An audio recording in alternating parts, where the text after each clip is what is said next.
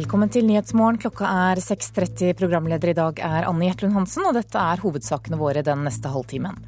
De siste tiårene så er det brukt over fire milliarder kroner på fastlandsforbindelser til øyer som folk flytter fra, mens veiene mellom landsdelene er i svært dårlig stand.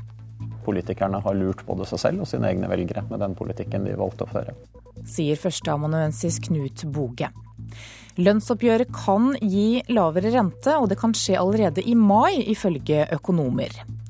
Og Helsedirektoratet har bestemt at åttendeklassinger skal veies, men mange elever vegrer seg mot å gå på vekta.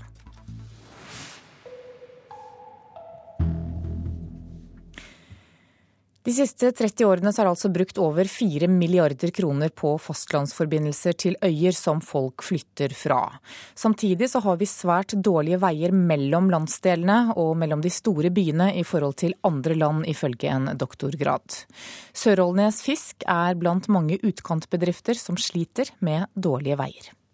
Altså, vi driver i en bransje som er i vekst, så vi ønsker jo å være der hvor det er godt hav. og og flotte forhold.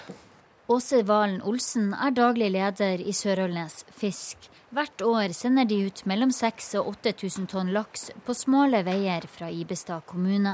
Nei, det er klart Både veien over Rolløya og Andøya er en utfordring. Spesielt på, for, for tyngre kjøretøy. Og, og, særlig vinterstid. Resultatet av det norske systemet har, har, har vært at det har vært veldig sånn klattvis utbygging, sånn stykkevis og delt politikk. Knut Boge er studieleder ved Høgskolen i Oslo og Akershus, og har skrevet doktorgrad om norske veier.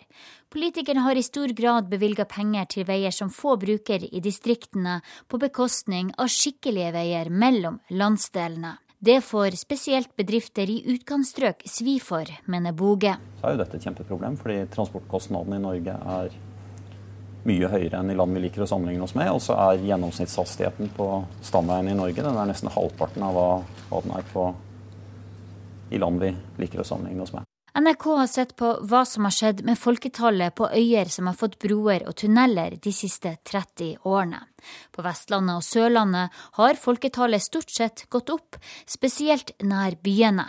Men på nesten samtlige steder i Nord-Norge har folketallet gått kraftig ned, på tross av kostbare fastlandsforbindelser som skulle få folk til å bli. Vi har jo en tunnel, og vi har jo, jo Mjøsundbrua. Fantastisk. Men hva nytter det når ikke veiene kommer? Her er 40 år siden de gikk gjennom min bygd altså, og planla veien. De planlegger ennå. Sier tidligere lokalpolitiker for Senterpartiet i Ibestad, Henry Bertheussen. Han kjemper for fastlandsforbindelse, men siden det kom, har han sett én av tre forlate øykommunen. Det hjelper fint lite med flotte bruer når veiene til og ifra er i så dårlig stand, mener førsteamanuensis Knut Boge. Politikerne har lurt både seg selv og sine egne velgere med den politikken de valgte å føre. Fordi i dag så sitter vi med et ikke-fungerende stamveinett hvis vi sammenligner med land vi liker å sammenligne oss med. Reporter her, det var Linda Reinholdsen. Samfunnsøkonom Håkon Haktvedt, velkommen til Nyhetsmorgen. Takk for det. Du jobber i analyseselskapet Oslo Economics, og dere har på oppdrag fra NHO laget en rapport som kartlegger hvor veipengene i Norge brukes i årene fra 2006 til 2013. Stemmer deres konklusjon overens med det som kommer frem i denne saken? Jeg kan vel si det sånn at uh, Hovedinntrykket er at uh, her kjenner vi oss igjen. Uh, men jeg må kanskje nyansere bildet litt og si at Eh, det er ganske bra sammenheng mellom investeringer og eh, behov, for det er de to størrelsene vi har sett på når det gjelder riksveier i den perioden du nevner. Men det er altså noen fylker som skiller seg ut, eh, og det er typisk passe bra med det inntrykket vi nå hørte. Hvilke fylker er det som skiller seg ut? Det er noen fylker på Vestlandet. Det er Sogn og Fjordane, det er Møre og Romsdal. Men vi kan også ta med Nordland. Eh, det er fylker som eh, har eh, fått relativt mye investeringer sammenlignet med behovet. Og da har vi sett på to behovsindikatorer. Og det er befolkning, og det er trafikk. Hva slags type prosjekter er det snakk om der? Ja, Det er kanskje ikke typisk dette, disse prosjektene vi hørte i det innslaget som var nå. Dette har jo vært investeringer i riksvei. Og da er det investeringer som binder befolkningstunge områder sammen, også der det ikke bor så mye mennesker. Ehm, slik at ehm, eh, trafikkgrunnlaget har gjort det mulig ja, Går det an å si litt videre om hvordan det står til med befolkningstunge fylker, da, med mye trafikk, som f.eks. Oslo, Akershus og Rogaland? Ja, I de fylkene så har det vært, er det veldig store, vært store investeringer nominelt sett. Men ser vi sammenlignet med eh, disse eh, eh, Men med befolkningsgrunnlaget og trafikken, så har, ser vi at investeringene har vært relativt høye. Det er relativt lave sammenlignet med befolkningsgrunnlaget og trafikken. Men du, Hadde det vært bedre å droppe disse fastlandsforbindelsene til eh, øyer, og heller brukt pengene på veiene mellom landsdelene? Ja, helt klart hadde det vært fint å bruke eh, investeringene i, rundt eh, storbyene, særlig Oslo og Rogaland ville vært bra. Men det er også sånn at vi må ta, huske på at disse investeringene til, i fylkene som jeg nevnte, Møre og Romsdal, Sogn og Fjordane, der kan være store trafikkgevinster, altså tidsgevinster, i de fylkene. Og det må vi også huske på. Førsteamanuensis Knut Boge sier her at politikerne har lurt både seg selv og velgerne sine. Hvorfor har det blitt sånn? Ja, um, det, det, har nok uh, kanskje ikke noe vi har sett på. Det er vel mer en, et politisk uh, vilje. Uh, samtidig som jeg bare understreker at vi har sett på investeringer i riksveier, og det er jo da litt annen type veier enn det vi har hørt i innslaget her, da. Hva skal til for å få til et velfungerende stamveinett? Eh, nei, jeg vil tenke at det bør investeres relativt sett mer i, eh, rundt eh, i storbyene. Hvor mye penger koster det? Det har ikke vi sett på. Greit, takk for at du kom i studio, samfunnsøkonom Håkon Hagtvedt. Da skal det handle om lønnsoppgjøret, for det moderate oppgjøret kan føre til at Norges Bank kutter styringsrenta. Det kan skje allerede på rentemøtet 8. mai, mener flere økonomer. Jeg vil si at eh, det er mest sannsynlig at de vil kutte renta fremover, og at de kanskje da gjør det allerede på mai-møtet. Sier sjeføkonom Elisabeth Holvik i Sparebank1-gruppen. For mens sentralbanken trodde årets lønnsoppgjør skulle ende med en økning på 4% blir fasiten etter lokale forhandlinger nå sannsynligvis rundt 3,5 den forskjellen betyr mye for styringsrenta, sier sjefanalytiker Erik Bruse i Nordea Markets. Lavere lønnsvekst betyr lavere inflasjon, og det kan være det som får Norges Bank til å sette ned rentene kanskje i mai eller juni. Reporter her, det var Sindre Heierdal. De over 50 000 nordkoreanske arbeiderne ved industriparken Kasong på grensen til Sør-Korea møtte ikke på jobb i dag. Det er første gang siden oppstarten i 2004 at anlegget stenges. Nord-Korea kunngjorde i går at de trekker ut alle de 53 000 arbeiderne fra industriparken og stenger komplekset inntil videre. De sørkoreanske fabrikkene i Kasong ligger ti kilometer inne på nordkoreansk territorium og har vært en beskjeden, men viktig kilde til utenlandsk valuta for Nord-Korea. Og Japan har nå utplassert luftvernraketter i hovedstaden Tokyo. Hensikten er å beskytte seg mot et eventuelt angrep fra Nord-Korea. To ramper med patriotraketter ble fraktet til Forsvarsdepartementet i Tokyo før daggry, opplyser en talsmann for departementet. Det japanske forsvaret har ordre om å skyte ned enhver nordkoreansk rakett som er på vei mot landets territorium. Da skal vi ta en kikk på dagens aviser og se hva de har på sine forsider i dag. Dagsavisen skriver at norsk treforedlingsindustri er i krise. Mens dette er en gullnæring i Finland og Sverige, så har 20 000 jobber forsvunnet på 40 år her i landet. Og BI-professor gir oljen skylda. Aftenposten har et stort bilde av Margaret Thatcher på forsiden sin i dag, med overskriften 'Splitter britene også etter sin død'. Thatcher døde av slag i går morges, 87 år gammel. Dopmiljøet har aldri vært verre, det sier politiet i Trondheim til Adresseavisen. Politiet føler at de har mistet kontrollen over det som skjer i ungdomsmiljøet i byen. Klassekampen skriver at utenriksministeren mener Høyre saboterer norske interesser i saken om ostetoll. Espen Barth Eide mistenker Høyre for å ønske at EU skal straffe Norge i striden om toll på ost. Professor Erik Lerdal mener norske bedrifter kaster bort milliarder av kroner i møterommene. Han sier til Bergensavisen at ledere bruker inntil 80% av arbeidsdagen sin på møter, og nå utfordrer han det han mener er unyttige rutiner. Vårt Land forteller at Kjell Magne Bondevik har søkt staten om penger til lønn for ansatte ved sitt Oslo-senter. Forsker Asle Toje er kritisk, og mener Bondevik setter regjeringen i en knipe pga. den naturlige aktelsen han har etter mange år på toppen av norsk politikk. Dagens Næringsliv skriver at en av Kjell Inge Røkkes nærmeste medarbeidere har tjent godt. Leif Arne Langøy har fått 90 millioner kroner etter at han sluttet hos Røkke, og nå foreslås han som uavhengig styreleder i Kverner, der Røkke er storeier.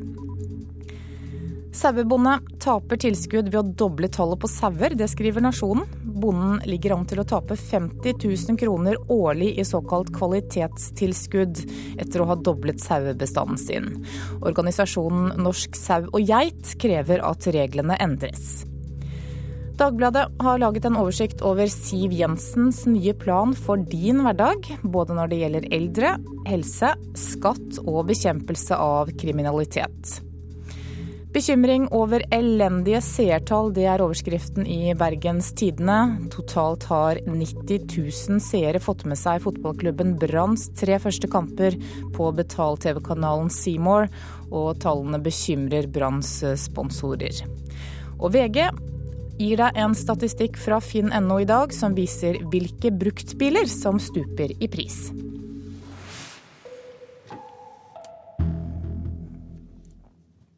I over 30 år har lege Erik Fosse reist ut til krigssonen for å hjelpe sivile og for å redde liv. Nå har han skrevet om opplevelsene sine i boka 'Med livet i hendene'. Og Erik Fosse, aller først velkommen til Nyhetsmorgen. Takk skal du ha.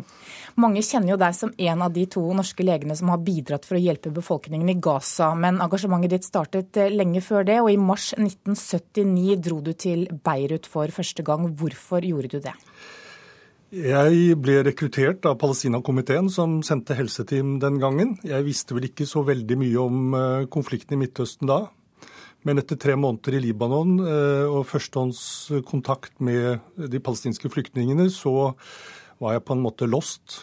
Siden har dette vært veldig viktig for meg, palestinernes situasjon. Hva var det som gjorde så sterkt inntrykk at du, at du ble lost?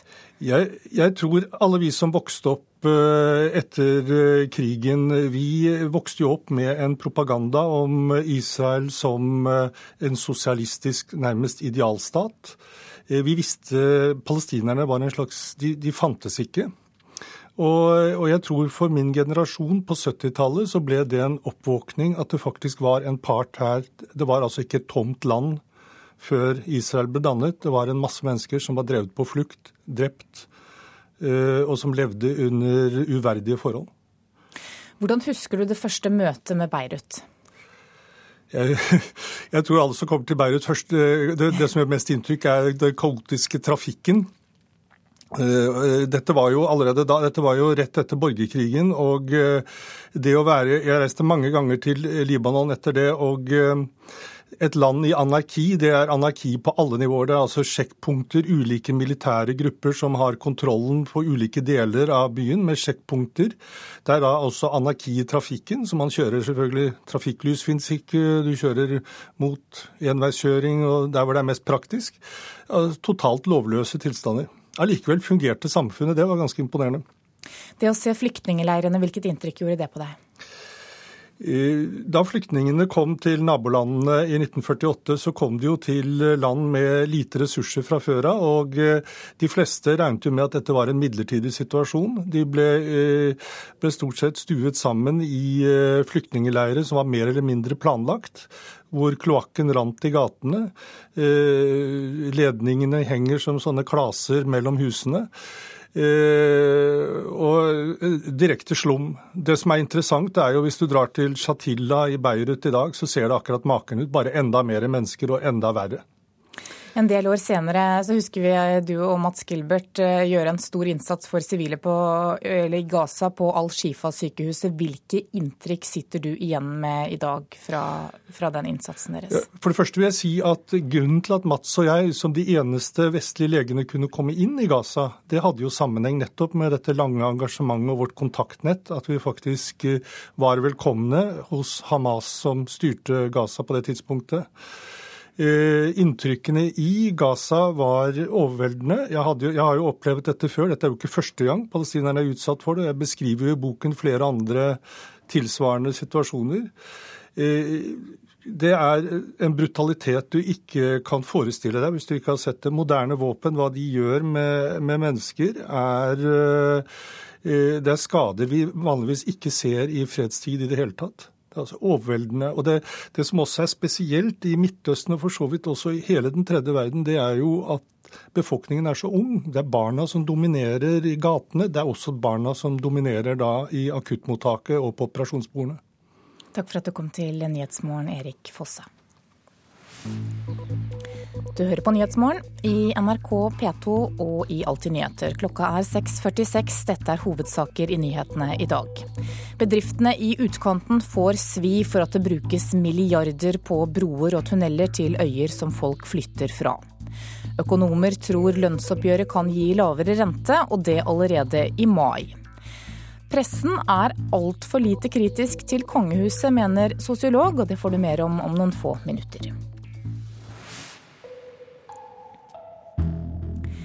For nå skal vi nemlig ha sport. Stavanger Oilers har festet grepet i Norgesmesterskapet i ishockey, og leder nå 3-1 i kamper over Vålerenga. Stavanger-laget trenger én seier til for å ta NM-gullet. Nå må de slå oss tre ganger på rad eh, hvis de planer om å bli norgesmestere, og det tror jeg blir vanskelig for dem. Eh, veldig fornøyd. Oilers-trener Petter Thoresen kunne i går glise etter at laget hans slo Vålerenga 5-1 hjemme i Stavanger. For nå leder Oilers 3-1 i finalekamper over VIF, og laget har dermed tre sjanser på seg til å avgjøre årets norgesmesterskap i ishockey. Vi, vi må jobbe for at vi skal vinne én kamp, og vi vinner gjerne den første. Men å vinne den neste finalekampen vil sønnen hans også. For Vålerenga-spiller Steffen Thoresen liker ikke at Oilers festet et godt grep om bøtta i går kveld. Vi er for svake rundt vårt eget mål og ikke minst rundt Stavanger sitt mål. Eh, så vi må prøve å få, prøve å få mer pucker rundt eh, Holm og være med på returer, så kan fort den serien her snø. De har vant nesten alt i serien og nesten alt i sluttspillet helt til de tre siste kampene som dere har tapt eh, tre på rad. Hva er det som går galt i Vålerenga-leiren? Det er mye man kan kanskje gjøre. Er, alle har forskjellige løsninger, men det er viktig at vi finner en løsning som, eh, som alle følger. Og Tidvis gjorde vi det i dag, men uheldigvis så eh, gjør vi noen store feil som, som blir matchavgjørende. Reporter her, det var Siri Vikne Pedersen. I fjor sendte Helsedirektoratet ut retningslinjer til skolene der de anbefaler veiing av elever på tredje, femte og åttende trinn. Veiingen har vakt sterke følelser og protester i flere leire, og helsesøstre opplever at flere av elevene på åttende trinn, altså elever som er 13 år, vegrer seg mot å gå på vekta. Ja, det er greit at du tar av deg skoene, men du kan bare ha på deg klærne. Da kan du bare gå opp. Flott. Sånn. Og så rusler du ned igjen. Janne går på vekta til helsesøster Hege Mortensson i Hokksund. Akkurat slik Helsedirektoratet har anbefalt. Veldig greit. Sånn, da kan du sette deg ned, så tar vi en prat videre. Men helsesøster opplever ofte at 13-åringene ikke har lyst til å gå på vekta, og noen nekter. Det er ganske mange ungdommer som syns det er ubehagelig at eh, de skal veies. Det er det. Og Janne vet godt hva hun mener om å bli veid. Flaut.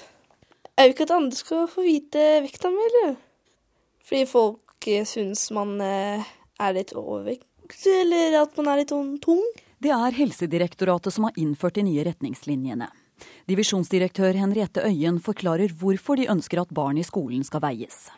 Hensikten med å lage disse retningslinjene det er eh, å kunne følge vektutviklingen hos den enkelte, og ikke minst kunne fange opp en uheldig vektutvikling så tidlig som mulig. Og da snakker vi ikke bare i forhold til overvekt, men også i forhold til undervektproblematikk. Men har du forståelse for at ungdom på 13 år opplever det ubehagelig å måtte veies på skolen? Ja, det, det skjønner jeg godt.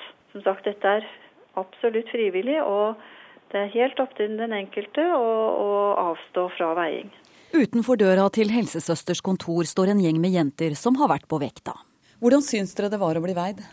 Eh, som passer. Litt ekkelt, litt skummelt og for det meste greit. Har du tenkt på det før du skulle veies, hvordan det kom til å bli? Eh, ja. Hva tenkte du da, da? Eh, å nei, jeg veier sikkert altfor mye. Så Hva syns du om de nye retningslinjene, du som er helsesøster? Jeg er veldig ambivalent i forhold til det. Eh, det er jo viktig at vi fanger opp eh, barn og unge som står i fare for å utvikle overvekt. Samtidig så er det et veldig følsomt tema. Så er det kanskje andre måter å tilnærme seg dette her som kunne vært vel så gode. Og, og hvilke måter er det? Jeg tenker den gode samtalen. Eh, at sånne ting kan kanskje være vel så bra. Som å sende ungdommen på vekta? Ja, kanskje det. Jeg syns ikke at uh, det ene utelukker det andre. For det er klart at uh, en vei, det skal ikke bare være å komme på vekten og få passet sitt påskrevet og så gå igjen. Sier Henriette Øyen fra Helsedirektoratet. Selv om helsesøstre utfører samtaler med elever om kropp og vekt, mener hun at veiing må til. Fordi at det ikke alltid er så lett å se på personer om de er i ferd med å ha en uheldig vektutvikling, eh, enten det er for mye eller for lite. Og at dette ofte da kan oppdages eh, litt for sent. Reporter var Karoline Bekkelund Hauge. Pressens dekning av kongehuset ligner mer på lanseringsjournalistikk enn en kritisk tilnærming. Det mener sosiolog Hedvig Skonhoft Johannessen i en ny bok. Stram regi fra Slottet og en antakelse om at det bare er kosestoff som selger, er årsaken, mener Johannessen. Vi pleier å, Hvis vi gjør noe sammen, så er vi på en måte stort sett ute. Mm. Ikke det? Da følte jeg. Her forteller kronprinsparet i et åpenhjertig intervju med VG om hvordan de holder kjærligheten i live. I en ny bok om kronprinsessen skriver sosiolog Hedvig Skånoft Johannessen at det er uholdbart at kongefamilien ikke får kritiske spørsmål til hva de holder på med, enten det er aids-kampanjer eller henting av surrogatbarn. Det er veldig mye mer sånn lanseringsjournalistikk, eh, men det er lite kritisk journalistikk brukt som virkemidler. En antagelse om at det er glansbildeversjonen av Slottet som selger mest, gjenspeiles i hvordan kongefamilien fremstilles i mediene. Det er en slags symbiose mellom mediene, som er opptatt av seere og klikk og lesere, eh, og kongefamilien som trenger oppmerksomhet rundt seg selv og sine saker, som gjør at det kanskje blir lite kritisk journalistikk på kongefamilien. Jeg får inntrykk av at de er helt vanlige folk, liksom. Eh, og så er de ganske jordnære. Folk i Oslos gater ønsker seg ikke en mer kritisk dekning. I stedet får kongefamilien mye skryt for sin innsats. Jeg syns de er veldig kritiske sånn som det er allerede. Med både hvor mye det koster Mette-Marit å ha i veske osv. osv. Jeg syns det er kritikk nok. Jeg syns de gjør en kjempegod jobb. Johannessen får støtte av Dagbladet-kommentator Jon Olav Egeland. Jeg syns at vi med, med, med hell kunne satse på, på en mer kritisk kongereportasje. Han mener at pressen bør dekke kongehuset på samme måte som den dekker andre maktinstitusjoner. Jeg syns det er en eh, allmenn plikt for mediene til å eh, være oppmerksom på og følge nøye det som foregår i samfunnets øverste institusjoner. Dette er lyd hentet fra NRK-dokumentaren om kronprinsesse Mette-Marit. Denne blir trukket frem av Johannessen som et eksempel på at pressen får innpass i de kongeliges hjemlige sfære mot at de ikke stiller kritiske spørsmål. Slottet har en ganske sterk hånd kommunikasjonsfaglig på, på, det som de kongelige bidrar med. At man skal sende spørsmål på forhånd. Det er vel en, en grad av kontroll som også ligger der. Redaksjonssjef i Dagsrevyen Solveig Tvedt er ikke enig i at NRK har en ukritisk holdning til Slottet. Vi gjør kritisk journalistikk. Blant annet så har vi det seinere året laget eh, kritisk journalistikk på Mette-Marits besøk i India. Og Slottet sier i en e-post at de ikke ønsker å delta i denne debatten. Reportere her var Sofia Paskiewicz og Ina Strøm. Etter to måneder så er det få som bruker Kommunaldepartementets nysatsing minsak.no.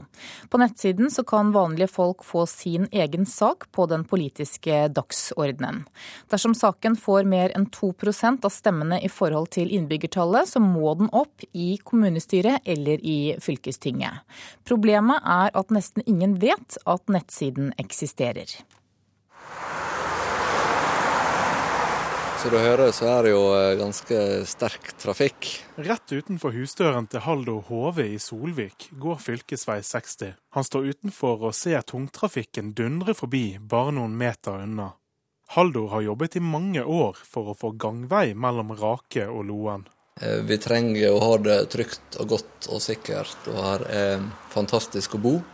Da må vi ha det trygt eh, langs den eh, veien vi skal ferdes på. Haldor har fått med seg både grunneiere og Stryn kommune. Det som mangler, er fylket. Nå har han funnet en nettside som gjør at vanlige folk kan få sin egen sak opp til fylkespolitikerne. Minsak.no er Kommunaldepartementets nye storsatsing som ble lansert i slutten av januar. Sakene her blir stemt frem av de som bor i kommunen eller i fylket. Haldor trenger bare 500 stemmene fra de som holder til i Sogn og Fjordane, og da må saken hans opp i fylkestinget. Problemet er at ingen vet at nettsiden eksisterer. Vi har jo bare åtte til nå, da. Så eh, behovet er jo veldig mye større enn det de underskriftene skulle tilsi. Når det ikke er så synlig, eh, så er det vanskelig å kunne bruke det. For minsak.no er usynlig for de fleste. I hele Norge er det kun 75 saker som ligger på nettsiden til nå. I Sogn og Fjordane er det bare to. Lite er gjort av Kommunaldepartementet for å opplyse om nettsiden som skal gjøre det lettere for vanlige folk å delta i lokaldemokratiet. Har du hørt om eh, nettsiden minsak.no? Nei, det har jeg ikke. Nei. Nei, det har ikke jeg. Dessverre du, det har jeg ikke. Kommunalminister Liv Signe Navarsete sier at de skal bli bedre til å vise frem deres nye tilbud, med hjelp fra kommunene. Det er nå eh, vår jobb i eh, Kommunaldepartementet å informere eh, bedre om at den ordningen finnes. Og det syns jeg òg at kommunene kan hjelpe oss med. Og få fram informasjon om dette i den enkelte kommune. Haldo Hove sitter foran datamaskinen sin.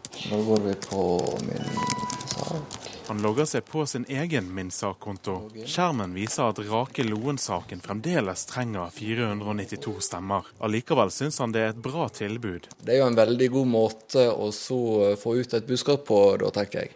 Alle som både eh, ser inn på min sak og hører dette her, kan eh, være med å støtte oss.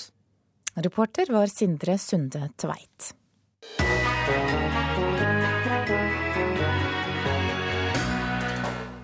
Internettfilmen Kony 2012 gjorde verden oppmerksom på den brutale opprørslederen Josef Kony, som skjuler seg i hjertet av Afrika. Det færre veit, er at Kony er medisinmann og en brikke i et internasjonalt spill om oljeressurser. Hør mer om Josef Konys rolle i Radioselskapet på P2 klokka 11. skal vi se på et værvarsel som gjelder til midnatt. Fjell i Sør-Norge kan vente seg for det meste pent vær i dag. Østlandet og Telemark pent vær, i ettermiddag noe mer skyet, og i indre områder kan det hende enkelte lette snøbyger. Agder pent vær, fra i ettermiddag østlig frisk bris på kysten vest for Oksøy og tilskyende fra sør. I Rogaland er det ventet frisk bris, på kysten sør for Obrestad ellers pent vær. Hordaland og Sogn og Fjordane utrygt for noen sluddbyger på kysten, ellers pent vær. Møre og Romsdal enkelte sluddbyger og snøbyger på Nordmøre, ellers opphold og til dels pent vær. Trøndelag enkelte snøbyger, vesentlig i ytre og i nordlige strøk.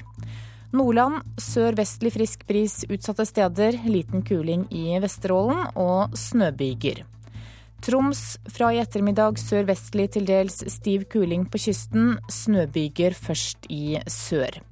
Kyst- og fjordstrøkene i Vest-Finnmark sørlig liten kuling utsatte steder. Utrygt for snøbyger på kysten i nord, ellers oppholdsvær. Fra i ettermiddag sørøstlig frisk bris. Oppholdsvær i kveld enkelte snøbyger på kysten. Øst-Finnmark og Finnmarksvidda kan vente seg sørvestlig frisk bris utsatte steder i dag, og stort sett oppholdsvær.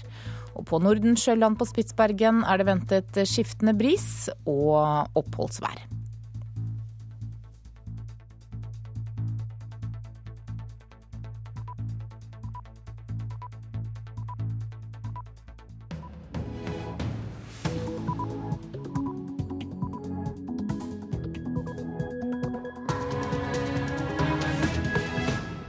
Klokka er sju. Du lytter til Nyhetsmorgen med Anne Jetlund Hansen i studio. Her er en nyhetsoppdatering.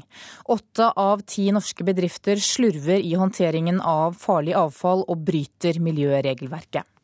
Det lukter giftig av den svartgrå massen. En seig grøt av farlig sand og oljeavfall fra landets bensinstasjoner venter på å slippe ut i naturen igjen. De siste 30 årene er det brukt over 4 milliarder kroner på bruer og tunneler til øyer som folk flytter fra.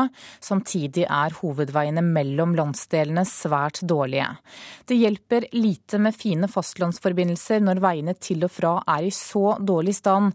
Det mener tidligere lokalpolitiker for Senterpartiet i Ibestad kommune, Henry Bertheussen. Vi har jo en tunnel, og vi har jo, har jo Mjøsundbrua. Fantastisk. Men hva nytter det når ikke veiene er kommet?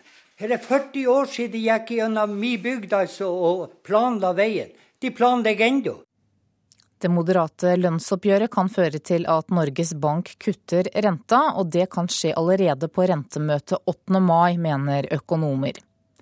I snart 20 år har Norge ledet en observatørstyrke i Hebron på Vestbredden som skulle gjøre palestinere tryggere. Men det meste ser ut til å gå feil vei for palestinerne. Noen var glade, andre gråt. Det forteller irakere om dagen i dag for ti år siden. Da falt Bagdad, og bildene av Saddam Hussein-statuen som ble revet ned, gikk verden over. Irakerne klarte ikke å rive den ned, og amerikanerne hjalp til. En amerikansk soldat festet et amerikansk flagg på statuen, som raskt ble fjernet. Aller først nå skal vi høre at slurv og dårlig kunnskap i norske bedrifter fører til at farlig avfall slipper ut i naturen. Åtte av ti norske virksomheter brøt miljøregelverket i fjor, det viser en ny rapport fra Klima- og forurensningsdirektoratet. Norsk gjenvinning på Fagerstrand i Akershus er en av dem som hadde miljøskadelige lekkasjer i fjor. Skal dere se hvor eh, vannet kommer inn. Her er det ikke pent. Det lukter giftig av den svartgrå massen. En seig grøt av farlig sand og oljeavfall fra landets bensinstasjoner venter på å slippe ut i naturen igjen. Men først skal alle giftstoffer skilles ut, forteller Jon Arne Oppsal ved Norsk Gjenvinning Industri. Da tar vi ut etter første rensetrinn, og da er slammet og metallene borte. Det ser jo mye bedre og blankere ut enn det sorte som vi tok rett i. Væska Oppsal holder frem er gjennom første steg i renseprosessen og er fremdeles giftig. Skjer en lekkasje av kjemikaliene som lagres på renseanlegget, kan det føre til at miljøet rundt blir skada. Det skjedde i fjor, men bedriften er ikke alene i å ha brutt miljøregelverket. Store lekkasjer av kjemikalier rett ut i sjøen. Konfettispray med farlig fluorgass og oppbevaring av forbudte giftstoffer er noen eksempler på brudd Klima- og forurensningsdirektoratet har avdekka.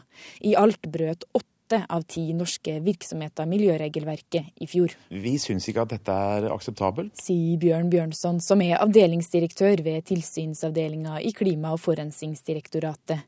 De kontrollerte miljørutinene til over 1200 norske virksomheter i fjor. I hovedsak handler det om for lite kunnskap og for liten bevissthet og for dårlig forebyggende arbeid i virksomhetene slik at faren for miljøskade er for stor knytta til den aktiviteten de driver med. Vi mener at eh, både ansatte og ledelse må skjerpe seg og sørge for at eh, disse avvikene blir borte.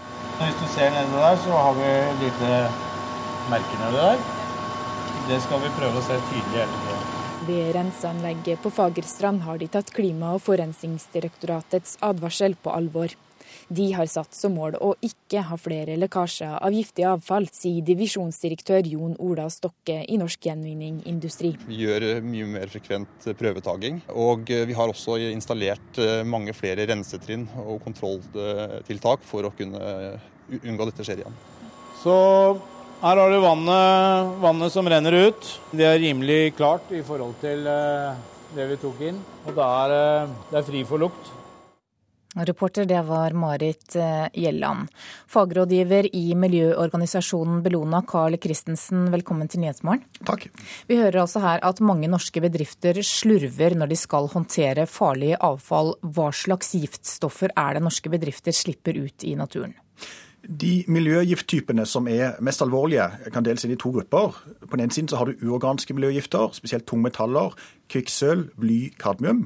På den andre siden så har du organiske miljøgifter, eksempelvis PFOS, eh, eh, klorerte forbindelser, bromerte flammehemmere osv.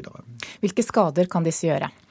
Det er omtrent ingen skader de ikke kan gjøre. Eh, kreft, eh, skader på indre organer nerveskader. Eh, ja, det er veldig mange forskjellige typer effekter dette kan få. Hvorfor er det så mange bedrifter som slurver, tror du? Det handler om eh, økonomiske insentiver. Det å håndtere farlig avfall er veldig dyrt. og Det betyr at hvis du er i en tøff konkurransesituasjon eller ønsker å kutte kostnader, så er det å håndtere farlig avfall på en ulovlig måte en veldig fristende mulighet. Hvor alvorlig mener du at disse regelbruddene er, da? Eh, det er veldig stor eh, variasjon i hvor alvorlige eh, disse regelbruddene er. Vi har alt fra det du kan kalle nesten bagateller, til systematiske og grove brudd som fører til betydelig miljørisiko og fare for skader på liv og helse for omgivelsene. Hvordan kan bedriftene bli bedre? Eh, Bellona har lenge meint at internkontrollprinsippet som ligger til grunn for norsk miljøforvaltning, er trukket for langt. Dette fungerer bra for seriøse og samvittighetsfulle aktører, men det gjør det for enkelt for useriøse aktører til å uh, sno seg unna. Så det betyr at tilsynet må bli bedre, mener dere? Tilsynet er bra i forhold til å følge opp seriøse aktører som som sagt gjør jobben sin, men det må mer uh, og flere og Eh, bedre kontroller av eh, altså uanmeldte kontrollbesøk. Politi og påtalemyndigheter må òg være mer pågående i forhold til å ta tiltale ut eh, og forfølge strafferettslig aktører som vi vet da begår systematisk miljøkriminalitet. Ja, I hvilket omfang skjer det i dag? Det er vanskelig å si sikkert, men i fall de erfaringene Bellona eh, har, tyder på at dette er et økende problem. Men er det mulig å stanse utslipp helt? Det er det ikke, men det er et spørsmål om, eh, om, du, eh, om, du, klarer å redusere eller eh, må se i øynene at ting blir verre. Takk for at du kom til Nyhetsmorgen, fagrådgiver i miljøorganisasjonen Bellona, Carl Christensen. De siste 30 årene er det brukt over 4 milliarder kroner på fastlandsforbindelser til øyer som folk flytter fra i nord.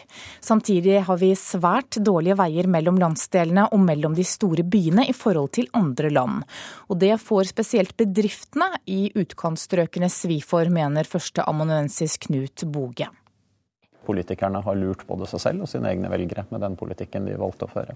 Politikerne har i stor grad bevilga penger til veier som få bruker i distriktene, på bekostning av skikkelige veier mellom landsdelene. Det får spesielt bedrifter i utkantstrøk svi for, mener Boge. Fordi i dag så sitter vi med et ikke-fungerende stamveinett, hvis vi sammenligner med land vi liker å sammenligne oss med. NRK har sett på hva som har skjedd med folketallet på øyer som har fått broer og tunneler de siste 30 årene. På nesten samtlige steder i Nord-Norge har folketallet gått kraftig ned, på tross av kostbare fastlandsforbindelser som skulle få folk til å bli.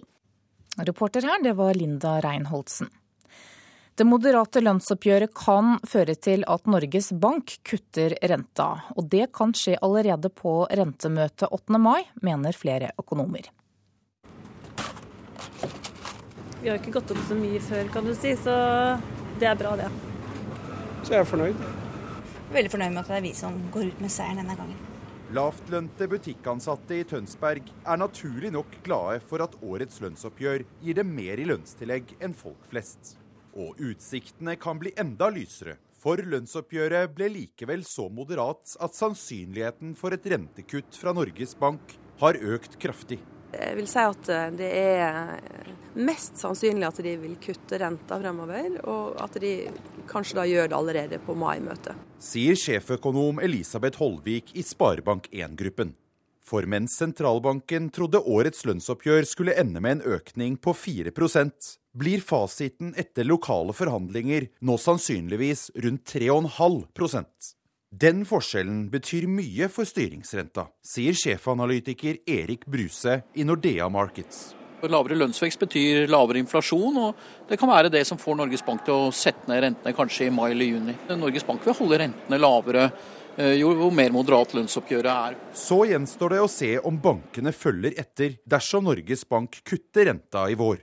På kjøpesenteret Farmannstredet i Tønsberg er de butikkansatte i alle fall mer enn klare for å få en økning i lønningsposen og samtidig lavere boliglånsrenter. Ja, De fleste har jo lån, og det merkes på det. da. I løpet av et år så blir det jo litt, da. Mm. Et bra år, ja. Ja, det gjør det. Selvfølgelig til vår fordel, det også. Veldig glad for hvis, eh, hvis den går ned og ikke opp, sånn som man spådde tidligere. Reportere her det var Sindre Heierdal og Lina Gaganis. Flere økonomer tror altså at eh, lønnsoppgjøret kan gi rentekutt, og mange lånekunder jubler kanskje over det. Men daglig leder i Agri Analyse og forfatter av boka 'Gjeld hvordan Vesten lurte seg selv', Christian Anton Smedshaug. Hva syns du er det positivt med nye rentekutt? Jeg vil nok si at på det nivået vi er nå, hvor vi allerede har lave renter, og vi har en forgjelding i husholdningene som er på historisk eh, høyt nivå, så tror jeg vi skal eh, være litt forsiktige med å ønske oss eh, mer av det gode. Det kan være at dette er en medisin vi ikke tåler. Hvorfor det? Jo, fordi at rente er jo effektivt sett prisen på penger. Og prisen på penger, hvis den blir for lav, det fører til at man fort bruker for mye av det. Man mister liksom tanken på hva dette egentlig representerer, og istedenfor da å begynne å betale ned gjeld, når husholdningens gjeld da i forhold til disponibel inntekt nå er en 220-230% så betyr det at vi da kommer til å øke mot verdens, verdens, verdens, høyeste nivå, som er rundt 250, som Danmark og Nederland da stoppet sin gjeldsvekst på, og som har ført til store boligproblemer, særlig i Danmark. Så går vi mot det nivået, og det er, ikke, det er grenser for også hva vi kan tåle. Så jeg tror heller vi skal tenke på hvordan vi skal nedbetale gjelda, mer enn hvordan vi skal øke den. Ja, hvilke konsekvenser kan det da få for eh, folk flest, eller for norske låntakere, da, hvis, de, hvis renta går ytterligere ned? Ja, jeg tror at man vil forsterke da den forgjeldingen vi allerede er inne i. Man vil øh man vil da fortsatt stimulere de som tar opp gjeld. og det betyr at Når renta er lav, så stimulerer du det å ta opp gjeld, men ikke sparing. Ikke det blir lite sparestimulerende tiltak. Og i og med at vi har det norske systemet også med fradrag av gjeldsrenter på selvangivelsen, så føler man jo at staten er med og betaler deler av eh, gjeldskostnaden. Og dermed så har vi nok et stimuli for å opprettholde en gjeldsvekst som over tid ikke er bærekraftig. Nå har vi hatt eh, lav rente lenge i Norge. Hva sier det om økonomien vår egentlig? Ja, Det sier jo på en måte, altså Historisk sett så har de jo sagt at, eh, at, aktiviteten er lav. At du skal ha lav rente når aktiviteten er lav for å få opp, for å få opp aktivitet. Og så skal du ha høy rente når aktiviteten eh, da er høy, for å liksom roe det. Men dette brøt egentlig litt sammen, den logikken her, når Kina kom inn i den internasjonale handelen. For til tross for at det har vært høy aktivitet i vår økonomi, så har vi importert varer som har hatt veldig lav prisvekst fra Asia. Og det har gjort at vi ikke lenger har disse fungerende mekanismene inne i systemet vårt. Så vi får lav rente til tross for høy aktivitet, og det skaper en feil prising av eh, penger. Og dette må vi begynne å diskutere nærmere, fordi vi kan ikke holde på å øke gjelda i husholdningene i en 8-9 eh, i året når lønnsveksten er en 3-4. Før eller siden møter det veggen. Er det for liten interesse for å diskutere det med en sånn type tilnærming, mener du? Ja, jeg syns det er skuffende liten, til, liten uh, vilje til det. For vi ser at det er jo nettopp denne dynamikken vi prater om nå, som har ført Vesten ut i det uføret som uh, vi nå kan se i både Europa og, og Nord-Amerika. Og dette er helt fundamentale ting i økonomien. Og det burde vi vært en mye mer åpen eh, debatt om. Og som sagt, det er ikke alltid man skal ønske seg mer av det gode. Det kan bli et problem over tid. Takk for at du kom til Nyhetsmorgen, Christian Anton Smedshaug, som altså er daglig leder i Agri Analyse og forfatter av boka Gjeld hvordan Vesten lurte seg selv. Da Kjell Magne Bondevik startet Oslo-senteret i 2006, så sa han at det skulle finansieres med private penger. Men nå ber han staten om millionstøtte, men UD holder igjen, det skriver Vårt Land.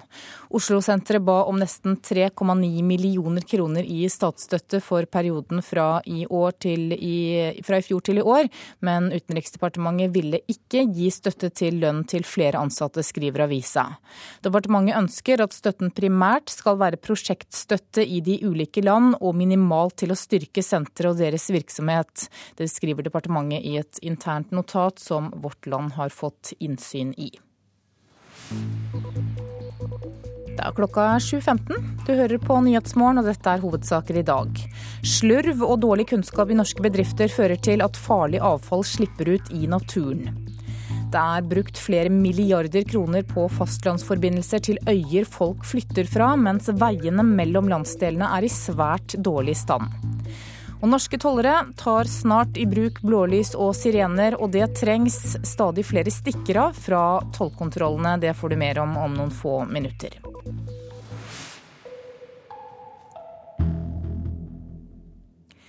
I snart 20 år så har Norge ledet en observatørstyrke i Hebron på Vestbredden som skulle gjøre palestinere tryggere. Men alle rapportene er unntatt offentlighet, og situasjonen ser bare ut til å gå feil vei for palestinerne. Det er en som er skada. Steinar Aune er ute på jobb i Hebron. Men i motsetning til i Norge kan ikke politimannen gripe inn hvis noe skjer. Jeg tror det ligger en som er skada, ser du det? Han får bare lov til å notere. Får du tatt bilder? Det ligger i smuget der. Og ta bilder. For 19 år siden skjer det som får den norskledede styrken til Hebron. En bosetter skyter og dreper 29 palestinere. Fredsprosessen mellom Israel og palestinerne stopper opp inntil observatørene er på plass.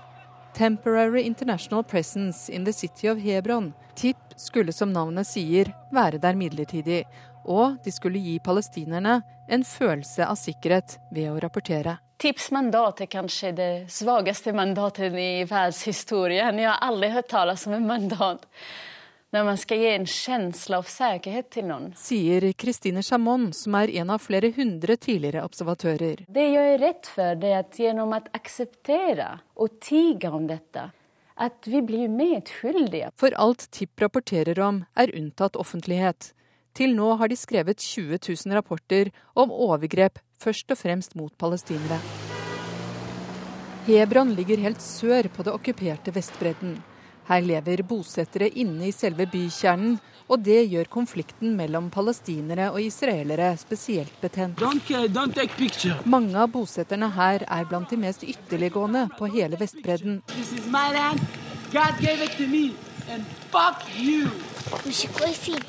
Aisha bor ved siden av en av dem. Hun er åtte år og må passe seg hver gang hun går til skolen. De vil ikke at vi skal gå til skolen, og når de ser oss, slår de og kaster stein, forteller hun. Også Aishas familie har tipskrevet rapporter om, uten at det har gjort tilværelsen deres noe tryggere. Rapportene var jo skrivne for fremst då israeliska myndigheterna med frågor varför gör ni på det viset. Men också de skickas ju till de seks landene som er del av denne misjonen. Jeg vet ikke hva de gjorde med rapportene. Norske myndigheter sier de bruker rapportene i samtaler med partene Israel og Palestina. Likevel mener mange vi har snakket med at det går bare én vei. Jeg har vært der som sagt i tre perioder, og det strakk seg da vel over, over ni år. Det sier tidligere Kripos-sjef Arne Huse. Det er ganske entydig at eh, det har vært en negativ utvikling i Hebron. Som leder for TIP tre ganger, så han får resultater av kritikken rapporten er målbar. Til tross for den negative utviklingen sier utenriksminister Espen Barth Eide til Brennpunkt at han mener det er bedre å være der enn ikke å være der, fordi det virker dempende på konflikten i byen. Til nå har prisen for Norges engasjement kommet opp i 400 millioner kroner. Og Brennpunkt er med observatørene ut i et av verdens mest konfliktfylte områder på NRK1 i kveld klokka 21.30. Reporter her, det var Åse Marit Befring. Japan har utplassert luftvernraketter i hovedstaden Tokyo. Hensikten er å beskytte seg mot et eventuelt angrep fra Nord-Korea. Det japanske forsvaret har ordre om å skyte ned enhver nordkoreansk rakett som er på vei mot landets territorium. De over 50 000 nordkoreanske arbeiderne ved industriparken Kasong på grensen til Sør-Korea møtte ikke opp på jobb i dag, og det er første gang siden oppstarten i 2004 at anlegget stenges. Nord-Korea kunngjorde i går at de trekker ut alle de 53 000 arbeiderne fra industriparken og stenger komplekset inntil videre. Syria vil ikke la inspektører fra FN etterforske anklagene om bruk av kjemiske våpen i borgerkrigen i landet.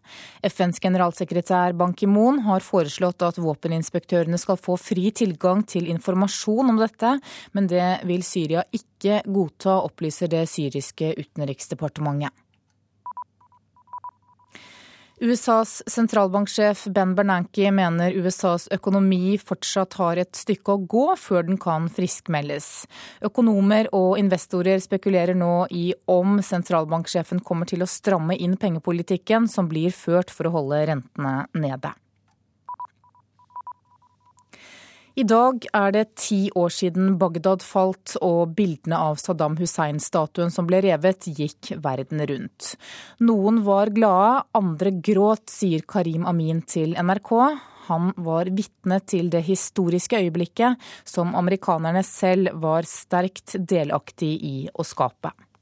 Mm, that time I saw the, Uh, they bring their tanks and they pull the statue from the, their den amerikanske stridsvognen kom og dro ned statuen, forteller Karim Amin. Resultatet ble det mest berømte bildet fra Irak-krigen. Fallet av en leder. Saddam Husseins ende. Det skjedde 9.4.2003, for ti år siden i dag. Det meste tyder på at de amerikanske soldatene improviserte da de så den lille folkemengden foran statuen reist året før til Husseins 65-årsdag. Irakerne klarte ikke å rive den ned, og amerikanerne hjalp til. En amerikansk soldat festet et amerikansk flagg på statuen, som raskt ble fjernet. Soldatene skjønte propagandaverdien av hendelsen. TV-kameraene fokuserte så på irakere som jublet eller hamret løs på statuen. Noen gråt, andre var glade, forteller Amin. So and there is a lot of many people were there in the square. Uh, there some of there they are loving, so, so, some of there they are shouting. So, Irakiske Amin jobbet selv for TV-kanalen Sky News. Statuerivningen skjedde på Firdosplassen, rett utenfor hotellet hvor de utenlandske journalistene bodde. Og Amin gikk ned for å se. Han deltok ikke i feiringen. Han gråt the people whom they are happy, they they want their change and they are very they are very happy. Mm. The the people whom they are crying, I uh, I was one of them in that time. And why why is that? Really, I, I am really I am crying that time uh, because I want the change from uh, the change from from inside. De som lo og feiret, ville ha forandring. Men jeg gråt fordi jeg ville at forandringen skulle komme innenfra, fra Irak. Ikke fra en amerikansk eller en annen utenlandsk hær. Dagen i dag blir ikke markert på noe spesielt vis her i Bagdad, annet enn at sikkerheten er enda mer skjerpet enn vanlig. Det er flere kontrollposter, særlig rundt byen. Myndighetene vil unngå en ny blodig dag. For det som fulgte statuerivningen for ti år siden, var alt annet enn en smidig overgang til et demokratisk Irak. Det som fulgte, var først plyndringen av Bagdad, deretter mer krig. Først mot de amerikanske okkupasjonssoldatene, så irakere mot hverandre. Sjiamuslimske grupper mot sunnimuslimer. Rivningen av statuen var ikke slutten. Det var begynnelsen. Det rapporterte vår Midtøsten-korrespondent Sigurd Falkenberg Mikkelsen fra Bagdad. Da skal vi se på dagens aviser og hva de har på forsidene sine i dag. Dagsavisen skriver at norsk treforedling, treforedlingsindustri er i krise. Mens dette er en gullnæring i Finland og Sverige, så har 20 000 jobber forsvunnet på 40 år her i landet, og BI-professor gir oljen skylda. Aftenposten har et stort bilde av Margaret Thatcher på forsiden sin i dag, med overskriften 'Splitter britene også etter sin død'. Hun døde av slag i går morges, 87 år gammel. Klassekampen skriver at utenriksministeren mener Høyre saboterer norske interesser i saken om ostetoll. Espen Barth Eide mistenker Høyre for å ønske at EU skal straffe Norge i striden om toll på ost. Professor Erik Lerdal mener norske bedrifter kaster bort milliarder av kroner i møterommene. Han sier til Bergensavisen at ledere bruker inntil 80% av arbeidsdagen sin på møter, og nå utfordrer han det han mener er unyttige rutiner. Dagens Næringsliv forteller at en av Kjell Inge Røkkes nærmeste medarbeidere har tjent godt. Leif Arne Langøy har fått 90 millioner kroner etter at han sluttet hos Røkke, og nå foreslås han som uavhengig styreleder i Kverner, der Røkke er en stor eier. Sauebonde taper tilskudd ved å doble tallet på sauer. Det skriver Nasjonen. Bonden ligger an til å tape 50 000 kroner årlig i såkalt kvalitetstilskudd etter å ha doblet sauebestanden sin. Organisasjonen Norsk sau og geit krever at reglene endres. Dagbladet har laget en oversikt over Siv Jensens nye plan for din hverdag, både når det gjelder eldre, helse, skatt og bekjempelse av kriminalitet. Bekymring over elendige seertall er overskriften i Bergens Tidende. Totalt har bare 90 000 seere fått med seg fotballklubben Branns tre første kamper på betal-TV-kanalen Seymour. Og tallene bekymrer Branns sponsorer. Og VG gir deg en statistikk fra finn.no i dag som viser hvilke bruktbiler som stuper i pris.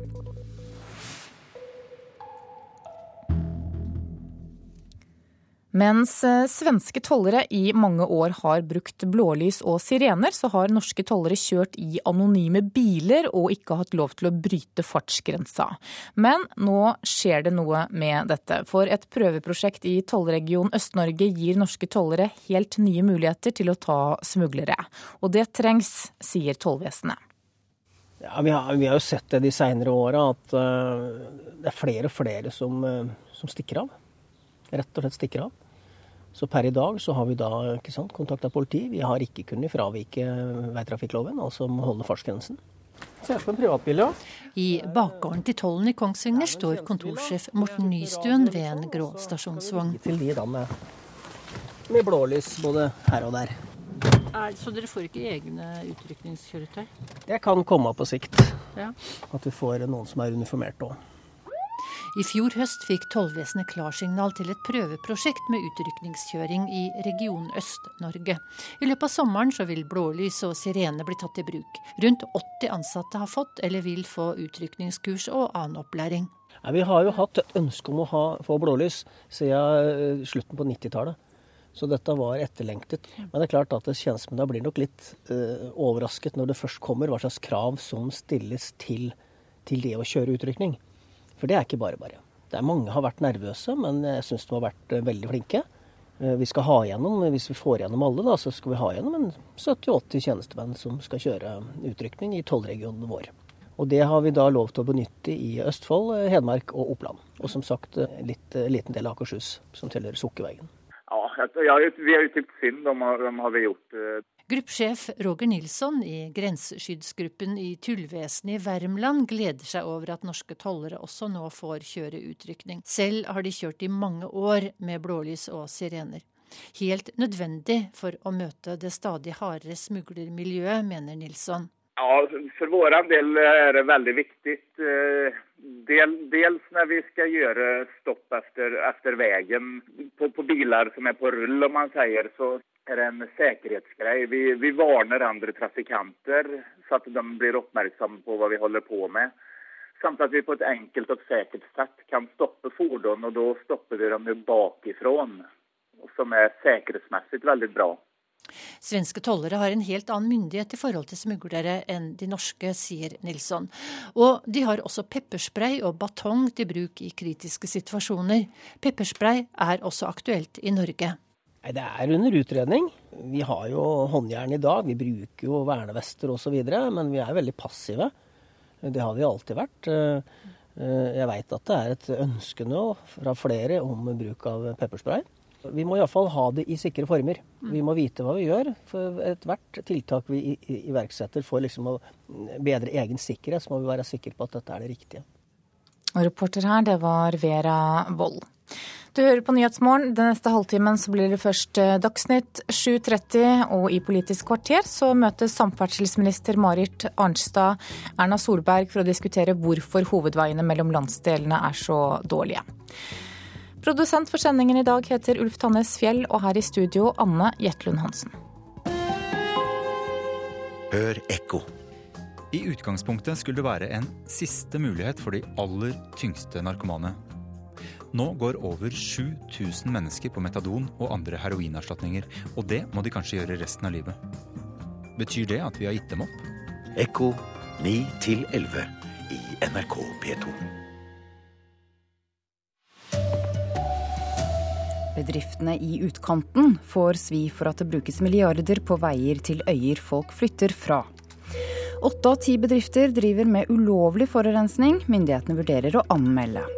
Og lønnsoppgjøret kan gjøre det enda billigere å låne penger. Her er NRK Dagsnytt klokken 7.30. Bedriftene i utkanten får svi for at det brukes milliarder av kroner på fastlandsforbindelser til øyer som folk flytter fra. Samtidig er det svært dårlige veier mellom landsdelene og mellom de store byene. Sørholnes Fisk er blant mange utkantbedrifter som sliter med dårlige veier. Altså, vi driver i en bransje som er i vekst. Så vi ønsker jo være der hvor det er godt hav og, og flotte forhold. Åse Valen Olsen er daglig leder i Sørølnes Fisk. Hvert år sender de ut mellom 6000 og 8000 tonn laks på smale veier fra Ibestad kommune. Nei, det er klart Både veien over Rolløya og Andøya er en utfordring. Spesielt på, for, for tyngre kjøretøy. Og, og særlig vinterstid. Knut Boge er studieleder ved Høgskolen i Oslo og Akershus, og har skrevet doktorgrad om norske veier. Politikerne har lurt både seg selv og sine egne velgere med den politikken de valgte å føre.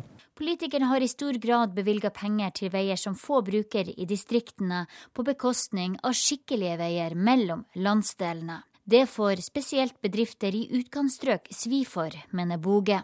Fordi i dag så sitter vi med et ikke-fungerende stamveinett, hvis vi sammenligner med land vi liker å sammenligne oss med. NRK har sett på hva som har skjedd med folketallet på øyer som har fått broer og tunneler de siste 30 årene. På nesten samtlige steder i Nord-Norge har folketallet gått kraftig ned, på tross av kostbare fastlandsforbindelser som skulle få folk til å bli. Vi har jo en tunnel, og vi har jo, jo Mjøsundbrua. Fantastisk. Men hva nytter det når ikke veiene kommer? Sier tidligere lokalpolitiker for Senterpartiet i Ibestad, Henry Bertheussen. Han kjemper for fastlandsforbindelse, men siden det kom, har han sett én av tre forlate øykommunen. Her er 40 år siden jeg gikk gjennom min bygd altså, og planla veien. De planlegger ennå. Reporter Linda Reinholsen.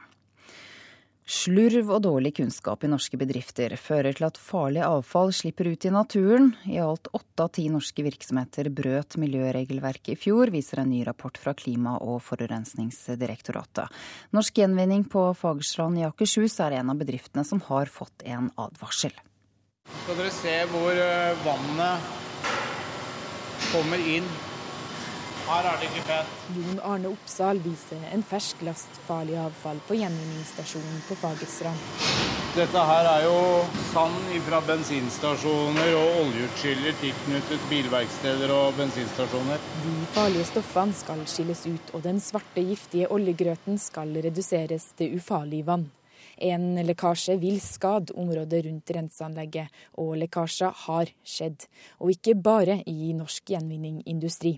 Åtte av ti norske virksomheter brøt miljøregelverket i fjor. Vi syns ikke at dette er akseptabelt. Sier Bjørn Bjørnson, som er avdelingsdirektør ved tilsynsavdelinga i Klima- og forurensningsdirektoratet. I hovedsak handler det om for lite kunnskap og for liten bevissthet og for dårlig forebyggende arbeid i virksomhetene, slik at faren for miljøskade er for stor knytta til den aktiviteten de driver med store lekkasjer av kjemikalier rett ut i sjøen, konfettispray med farlig fluorgass og oppbevaring av forbudte giftstoffer er noen eksempler på brudd Klima- og forurensningsdirektoratet har avdekka. Bjørnson mener norske bedrifter må ta miljøet mer på alvor. Eh, de alvorligste tilfellene som er funnet nå, de vil bli vurdert anmeldt. Og vi vil også bruke tvangsmult eh, for å sørge for at vi får til en forandring på flere av de funnene som er gjort nå.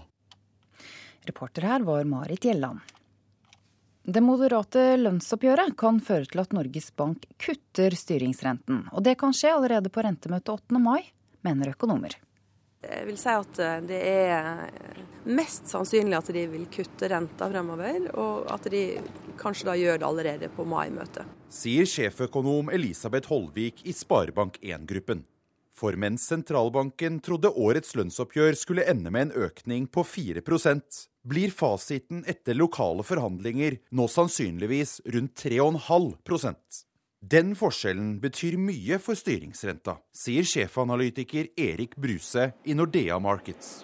Lavere lønnsvekst betyr lavere inflasjon, og det kan være det som får Norges Bank til å sette ned rentene kanskje i mai eller juni. Reporter Sindre Heierdal. I nesten 20 år har norske observatører rapportert til israelske og palestinske myndigheter om overgrep, vold og drap på palestinere i Hebron. Men alle rapportene er unntatt offentlighet, og mange spør seg nå om nytten av å bruke millioner av kroner på å skrive rapporter som ingen får se. De som mottar denne informasjonen, de bør også være ansvarlige og legge press på noen her for at uh, de bruddene ikke skal fortsette å skje. Sier Ellen Marie Hanstensen. To ganger har hun vært i Hebron som observatør i den norskledede styrken. Men hun har ikke sett at det har gjort noen forskjell. Hvorfor skal vi rapportere hvis det er sånn at de rapportene bare skal gli gjennom systemet videre uten at det skal gjøres noe? Det er 19 år siden en bosetter går inn i Ibrahimien-moskeen i Hebron og skyter og dreper 29 mennesker. Fredsprosessen mellom Israel og palestinerne stopper opp inntil den norskledede styrken er på plass. Men de har et begrenset mandat. De får bare ta bilder og skrive rapporter, aldri gripe inn. Tidligere ambassadør Odd Vibe tilrettela for observatørstyrken. Og Det falt ikke meg inn, og jeg tror sikkert mange med meg, at dette skulle være noe mer enn et svært midlertidig nærvær. 19 år etter er fredsprosessen lagt på is, og styrken har kostet Norge rundt 400 millioner kroner. Norske myndigheter har ingen planer om å trekke den ut, fordi de mener det er bedre å være der enn ikke å være der. Fra den perioden hvor jeg var der først, da, i 96-97, til nå, så er situasjonen bare blitt verre for palestinerne i Hebron. Brennpunkt er med observatørene ut i en av verdens mest betente konflikter på NRK1 klokken 21.30. Reporter Åse Marit Befring. I dag er det ti år siden Bagdad falt og bildene av Saddam Hussein-statuen som ble revet, gikk verden rundt. Karim Amin var vitne til dette historiske øyeblikket, som USA var sterkt delaktig i. Mm, that time I saw the, Uh, they bring their tanks and they pull the statue from the, their Den amerikanske stridsvognen kom og dro ned statuen, forteller Karim Amin. Resultatet ble det mest berømte bildet fra Irak-krigen, Saddam Husseins ende. Det skjedde 9.4.2003, for ti år siden i dag. Noen gråt, andre var glade, forteller Amin. Many some of their they are uh, loving, some of their they are shouting. Irakiske Amin jobbet selv for TV-kanalen Sky News. Og Amin gikk ned for å se. Han deltok ikke i feiringen. Han gråt. Uh, because I want the change from uh, the change from from inside. De som lo og feiret, ville ha forandring.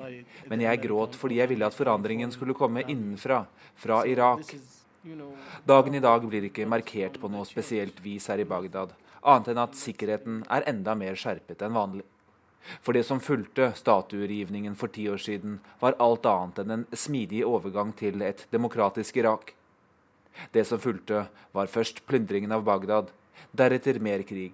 Først mot de amerikanske okkupasjonssoldatene, så irakere mot hverandre. Sjiamuslimske grupper mot sunnimuslimer.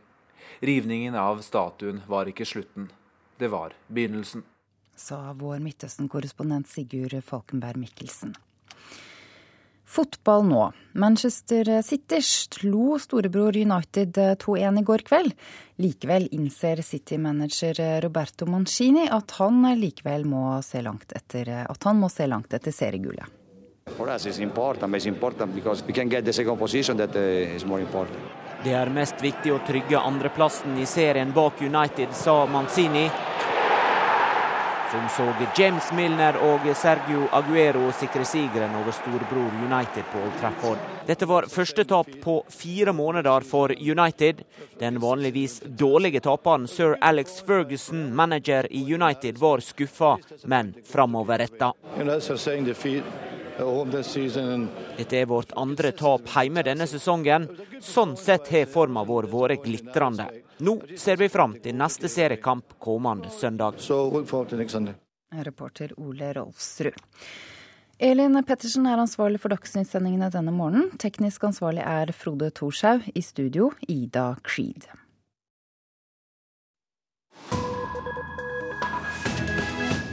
Klokka er 7.40 og Nyhetsmorgen fortsetter.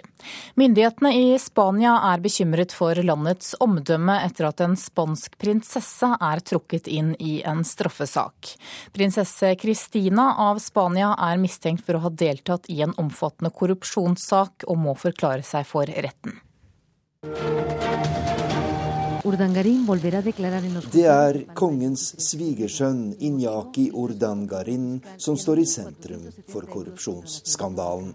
Spanske medier har i månedsvis fulgt saken mot den tidligere håndballstjernen, som er tiltalt for underslag av flere millioner euro fra en veldedig organisasjon han var leder for. Også Urdan Garins kone, prinsesse Kristina, er mistenkt i saken, og må nå møte i retten i slutten av denne måneden.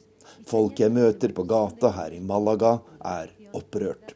Está totalmente carente de ejemplaridad. Tenía que ser más ejemplar en todos los sentidos, y no lo es. Kongefamilien er ikke lenger noe forbilde, sier den 62 år gamle Maria Vaselga. Vi skal jo egentlig se opp til dem, og det gjør vi absolutt ikke etter alt som har skjedd. Kongen har allerede mistet den store respekten jeg hadde for ham, og når prinsesse Kristina nå er mistenkt i denne korrupsjonssaken, så er skandalen fullkommen. Dette gir et svært dårlig bilde av Spania, og jeg skammer meg rett og slett over de kongelige, sier hun. Og det er ikke bare vanlige folk her i Spania som er bekymret for landets anseelse.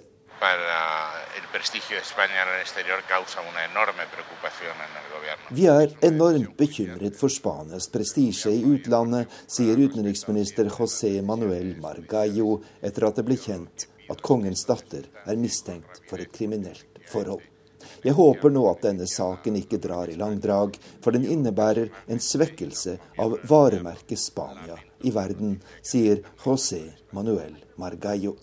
Regjeringspartiet har hittil holdt en lav profil i denne saken, og utenriksministerens klare uttalelse har vakt oppsikt her i Spania.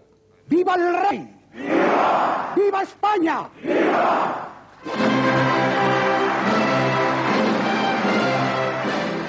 Det spanske kongehuset er det største og mest prestisjetunge på det europeiske fastlandet, og den 22.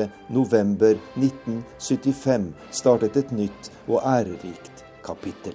Da ble Juan Carlos av Borbón tatt i ed som Spanias konge etter diktatoren Francisco Francos død, og den unge kongen stilte seg i spissen for en forbløffende politisk og økonomisk utvikling som brakte landet inn blant de fremste i Europa og gjorde ham selv til folkekonge.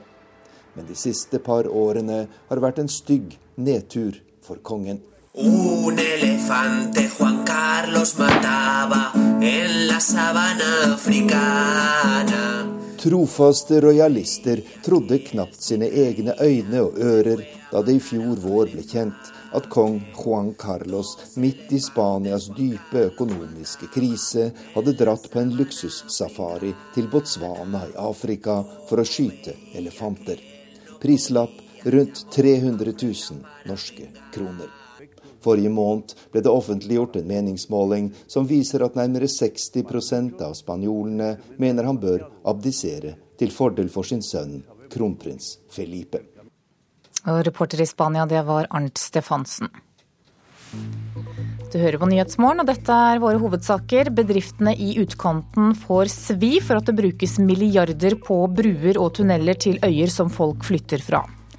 Åtte av ti bedrifter forurenser og håndterer ikke farlig avfall på riktig måte. Og utsiktene er lyse for folk med boliglån. Det moderate lønnsoppgjøret kan føre til enda lavere rente. Samferdsel øh, og distriktspolitikk blir det også i Politisk kvarter i dag, programleder Sigrid Solund. For er det verdt pengene å bygge broer til steder der nesten ingen bor?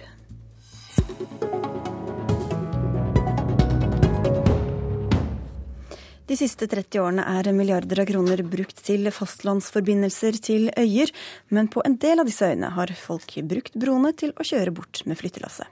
Samtidig som veiene til disse samfunnene også mellom byene er dårlige mange steder. Samferdselsminister Marit Arnstad, hvor vel anvendte penger har det vært å, bruke, å bygge bro eller tunnel på steder der befolkningsnedgangen har fortsatt?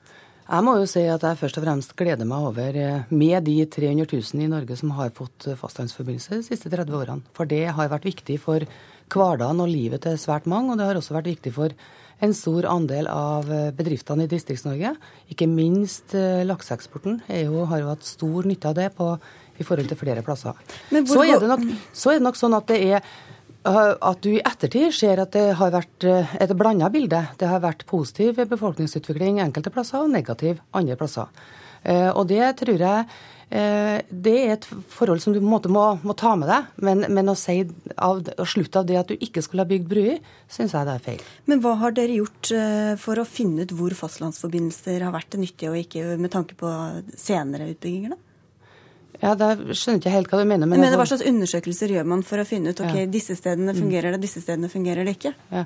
Altså, Det er vanskelig å si på forhånd om du får en positiv eller negativ etterkant? Av en, av, av ei bru. Og det er klart at Opp gjennom årene så er det nok forskjellige årsaker til at bruprosjekt har blitt realisert. Eh, vanskelig å svare for 80- og 90-tallet for min del. Eh, men i dag så er det jo to ting som er viktig for staten når vi ser på den type ferjefrie forbindelser. Det, er, det ene er gjennomfartstrafikken. Og det andre er eh, det at du utvikler gode bo- og arbeidsregioner. Men det har i hvert fall ikke vært noen sånn systematisk eh, kartlegging av hva som fungerer eller ikke med tanke på senere utbygging? Jeg tror at det vil være svært vanskelig på forhånd å si at den brua kan vi ikke bygge fordi vi forventer at det blir negativ befolkningsutvikling, eller den brua må vi bygge for der blir det positiv. Jeg tror at det er vanskelig å være så skjematisk på forhånd, og jeg tror at du må regne med at det enkelte plasser vil være negativ eller positiv utvikling i folketallet. Men hvor går grensa for hvor mye penger du vil bruke for å gjøre hverdagen enklere for f.eks. 50 eller 100 mennesker? Men jeg mener at, at samferdselspolitikken handler om å dekke transportbehov over hele landet. Eh, og da blir det litt kunstig, sånn som jeg føler i denne saken her, at du setter på en måte by opp imot distrikt og Nord-Norge opp imot Sør-Norge. Eh, jeg tror du er nødt til å se på viktige transportbehov over hele landet. Og da er også det å skaffe fastlandsforbindelse til folk er også viktig. Men hvor går grensa da? Da må du vurdere hvert enkelt prosjekt for seg. Høyre-leder Erna Solberg, dere har vel selv ivret for en del av disse utbyggingene, ikke minst eh, lokal. Hvor vel anvendte penger vil du si det har vært? Altså, eh, Det er nok vel anvendte penger for de som har fått veiforbindelsen. For samfunnet som en helhet så kan man alltid stille det spørsmålet. Det er nok en av og til en sånn uh, for stor forventning til hva du skal gjøre næringspolitisk på, en, på et sted av å få til en, en, en, veiforbindelse eller en utløsning. Men så har du jo noen veldig vellykkede prosjekter òg, hvor det har vært helt avgjørende for lokalt næringsliv at du har fått til den uh, veiutløsningen, den broen som er kommet. Nå er det først og fremst uh, prioritering av denne typen prosjekter skjer jo først og fremst på fylkesbasis i dag. Og eh, Stortinget finansierer jo faktisk ikke lenger noe særlig av den typen prosjekter. Og da er det viktig å si at det vi bør ha fokus på nå, det er å sørge for at de store blodårene i landet, de store hovedveiene, nå blir finansiert og opprustet. For det, gjelder, det er viktig både for sentrale strøk, men det er faktisk like viktig for distriktsnæringslivet at de store blodårene fungerer. Altså en, en lakseprodusent som får får eh, varene sine over broen, men som likevel ikke kommer på en vei som gjør at laksen er fersk nok når den kommer ut til utlandet. Han har et problem uansett, og dette gjelder Det er ikke noen konflikt by og land, dette gjelder hele landet. Men så har jeg lyst til å si det er to andre prioriteringer vi må gjøre. Regionsforstørrelse det har en betydning. Hva betyr det? Det betyr at vi skal også ha veiprosjekter og tunnel- og broprosjekter der hvor vi utløser større bo- og arbeidsmarked. Vi ser f.eks. Eiksundsambandet på Sunnmøre, som nå har bidratt til at to veldig livskraftige områder, Ulstein og Herøy, har fått mye bedre transportforbindelser, mye bedre rekruttering av ansatte. Og så skal vi se på kritiske veier og områder for eh, næringsliv. Der vi har høyt lønnsomme bedrifter, så må vi hjelpe de også til å fungere i Distrikts-Norge. Marit Arnstad, hvor treffsikkert er dette også distriktspolitisk, hvis ikke det følges opp med infrastruktur og liv og røre rundt disse områdene det er snakk om? Mm. For å si at Jeg er enig i mange av de betraktningene som Erna Solberg gjør omkring hva som er viktig. Og hun har jo også rett i at i dag så så har vi jo Gjennom forvaltningsreformen så er det jo fylkene som kommer til å prioritere mange av de prosjektene vi her har snakka om. Og så kommer staten til å konsentrere seg om stamveinettet først og fremst. Der er jeg enig i at bruer er viktig, men også veien rundt bruene. Altså, du, skal du på en måte virkelig gjøre det dette til eh, redusere næringslivets transportkostnader, så kan du ikke bare tenke bruene, du må også tenke veien mellom bruene. Har det vært og, tenkt godt nok sånn, da? Nei, altså det skal vi være meget oppmerksom på i tida framover. Bl.a. når vi utvikler E39 så er det viktig at du ikke bare tenker de store bruprosjektene på E39, men at du også tenker på at du må ruste opp veien imellom bruene, sånn at det blir enklest mulig for næringslivet å bruke veien. Ja, men det er også viktig at vi tenker igjennom at eh, skal vi løfte konkurranseevnen til norsk næringsliv, så må vi begynne med å ta et større tak på de områdene som er mest samfunnsøkonomisk lønnsomme. Men det blir ikke færre broer til små samfunn med Høyre regjering, da? Eh, nei, men, det, men, som sagt så kommer ikke vi til å ha fokus på å prioritere det, for dette er det fylkespolitikerne per dags dato som kommer til å gjøre. Men jeg tror også at vi skal fortelle fylkespolitikerne at disse tre hovedprioriteringene, at vi må kjøre noen gode hoveds, hovedlinjer, altså hovedårer i samferdselen i Norge som en prioritet, at vi skal sørge for regionsforstørrelse, og at de må prioritere ikke bare hvem som har vært best på å forhandle i fylkestinget, men også eh, hvem som faktisk har, hvor næringslivet har størst behov for dette. For det er sånn at skal Distrikts-Norge leve, så er det først og fremst lønnsomme arbeidsplasser som er det viktigste for å få det til.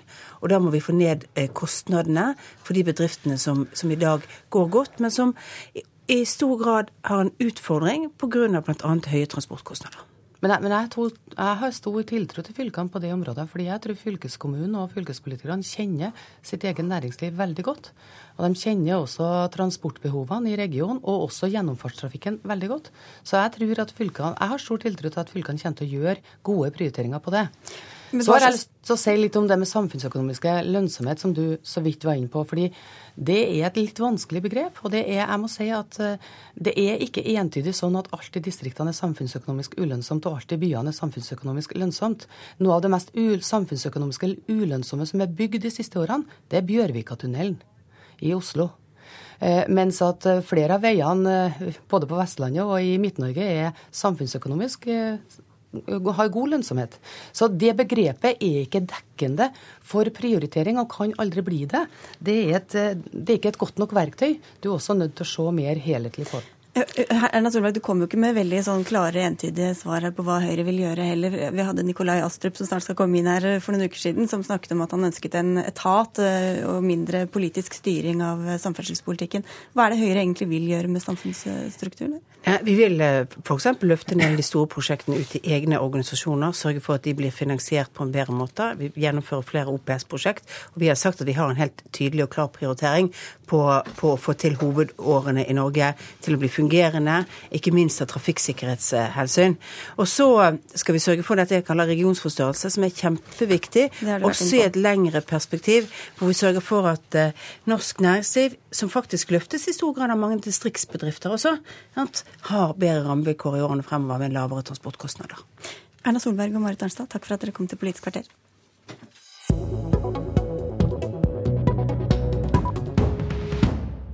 Da bytter vi ut Senterpartiet og Høyre med Høyre og Senterpartiet her i Politisk kvarter. For Senterpartiet og SV vil si opp EØS-avtalen, mens Arbeiderpartiet og Høyre vil melde landet inn i EU. Begge deler virker vel like urealistisk, og det preger kanskje også stortingsmeldingen om EØS som skal opp i Stortinget i dag, eller hva, Nikolai Astrup fra Høyre? Det er klart at eh, Den stortingsmeldingen som kom i dag, er en eh, tynn sak med tanke på den NOU-en den bygger på, som var et 911 siders langt rop om hjelp. Eh, og det vi fikk til svar, det var altså en tynn sak som beskriver hvor vi er, og som er et minste felles multiplum av hva regjeringen klarte å bli enige om. Hva hadde du sett at sto der, da? Jeg tror man i større grad må erkjenne at EU-politikk, europapolitikk, er innenrikspolitikk i stor grad. Det må få konsekvenser for hvordan vi eh, koordinerer europaarbeidet i eh, internt i regjeringen eh, og i Norge. Eh, og det må få konsekvenser for hvordan vi jobber opp mot EU. Vi må tidligere og tydeligere inn i prosessene og, la norske interesser eh, bli hørt i større grad i Europa. Lars Peder Brekk, eh, du har nettopp et landsmøte fra Senterpartiet bak deg som ikke bare sa nei til EØS, men også til Schengen. Hva syns du om den europapolitikken dere samlet i regjeringen legger opp til gjennom denne stortingsmeldinga? Ja, det, det, går jo på at vi skal utvide handlingsrommet i de internasjonale avtaler, bl.a. i EØS-avtalen. Eh, det har denne regjeringa gjort gjennom eh, ostetollsak, postdirektivsak. Eh, og jeg er veldig opptatt av at vi skal være, ha en aktiv holdning til, til, til, i vår europapolitikk. Sånn sett er jeg enig med, med Astrup. Hvorfor, hvorfor lyder det der så ulikt jo, når dere snakker om det? Så Poenget er jo at vi har en EØS-avtale som vi har prinsipielle motforestillinger mot, men inn, vi styrer jo på grunnlag av den gjennom det rød-grønne samarbeidet. Det, det fungerer godt. og da må vi jo være dyktige til å utvide handlingsrommet, sørge for å ivareta norske interesser. Og Litt av utfordringa her og forskjellen mellom meg og Astrup er jo at jeg mener Høyre altfor ofte står med lua i handa når det gjelder eh, den norske europapolitikken. Man godtar det som kommer fra Brussel. Man er ikke opptatt av å utfordre Brussel nok. Det er vi fra Senterpartiet, det er SV, og det sørger vi for skjer gjennom den rød-grønne regjeringa. Jeg tror jo at eh, regjeringen i altfor stor grad er opptatt av å si nei til ting som eh, ble behandlet i EU for mange år siden. Man kommer for sent inn. Vi ser at det er veldig lite konstruktivt. Eh, skal vi påvirke reelt sett, så må vi komme inn mye tidligere i prosessen. Hva er sjansen for å gjøre det, da? Jeg tror det er mulig. Vi ser at små land innenfor EU-systemet klarer på en god måte å påvirke EUs politikk. Danmark er et godt eksempel. Ja, men også, eh, jeg mener også vi, eh, særlig med våre vår rolle som viktig strategisk partner, f.eks. på energiområdet, har en, eh, en ganske unik rolle inn i EU-systemet hvis vi spiller kortene våre riktig. Så det å bruke handlingsrommet, det er vi enige om. Men det må være noe mer enn å si nei. Eh, og jeg må jo minne Lars Peder Brekk om at han har bare sagt nei én gang til postdirektivet. Eh, og det var ingen saklige grunner til å si nei. Eh, de norske interessene er godt ivaretatt innenfor det direktivet. slik at jeg vil ikke være så veldig imponert. Jeg er ikke så veldig imponert over regjeringens uh, politikk her. Men det vi opplever, er jo at Høyre konsekvent sier ja. Jo, men det gjør og, dere også? Nei, det gjør vi ikke. Vi utfordrer, vi utfordrer, EU på mange, mange områder. Her, Hva er annet, resultatene av det, da? Ja, Vi har bl.a. gjennomført endringer i ostetollsaken som Astrup er svært uenig i. Vi har, har sagt nei til postdirektivsaken. Ja, det var de to eksemplene, i, I, tillegg så, så, er jeg jo enig med at vi skal jobbe aktivt med, med EU og, og, sammen med EU på, på viktige saker. Jeg har selv som tidligere landbruksminister jobba med matmaktsaken i, i, i, EU. og Der er det slik at Norge faktisk har vært en pådriver for, for utvikling av politikk i EU, som, som, sannsynligvis over tid vil være, være, viktig både for EU og for, for Norge. Dere i Senterpartiet sa altså nei til EØS og også Schengen. Hva slags troverdighet får dere da når dere to dager etter stemmer for nettopp det samme i Stortinget i dag? Altså, når vi stemmer for EØS-avtalen, eller når vi stemmer for denne meldinga, eller det innholdet i denne meldinga, så kommer det jo selvsagt av at vi sammen med Arbeiderpartiet og SV har vært enige om at vi skal styre på grunnlag av et fortsatt Nato-medlemskap. Vi skal ikke søke om EU-medlemskap, og vi skal styre på bakgrunn av EØS-avtalen. Det er, er, er, grunnlaget for regjeringa. Hva står... gjør det med troverdigheten deres, da? Nei, Det syns jeg står seg godt. Vi har sagt at de ikke skal la EØS-saken stå Eh, og hindre oss fra å delta i regjering. Vi mener at vi gjennom regjeringsdeltakelse har mulighet til å påvirke eh, framfor å stå utafor. SV takket nei til å være med i Politisk kvarter og snakke om dette. Og som dere skal de også gå til valg på en annen politikk enn den dere faktisk eh, kommer til å føre hvis det blir nytt rød-grønt flertall. Hvor redelig er det overfor velgerne å fronte en politikk som du vet at det ikke blir noe av? Ja, da tror ikke jeg skal uttale meg på vegne av SV. Nei, på vegne av Senterpartiet? Jeg, jeg, nei, jeg mener det er svært reelt det vi har gjort. Ingen er i tvil om Senterpartiets holdning til EU-saken. Ingen er i tvil om vårt holdning til EØS-saken.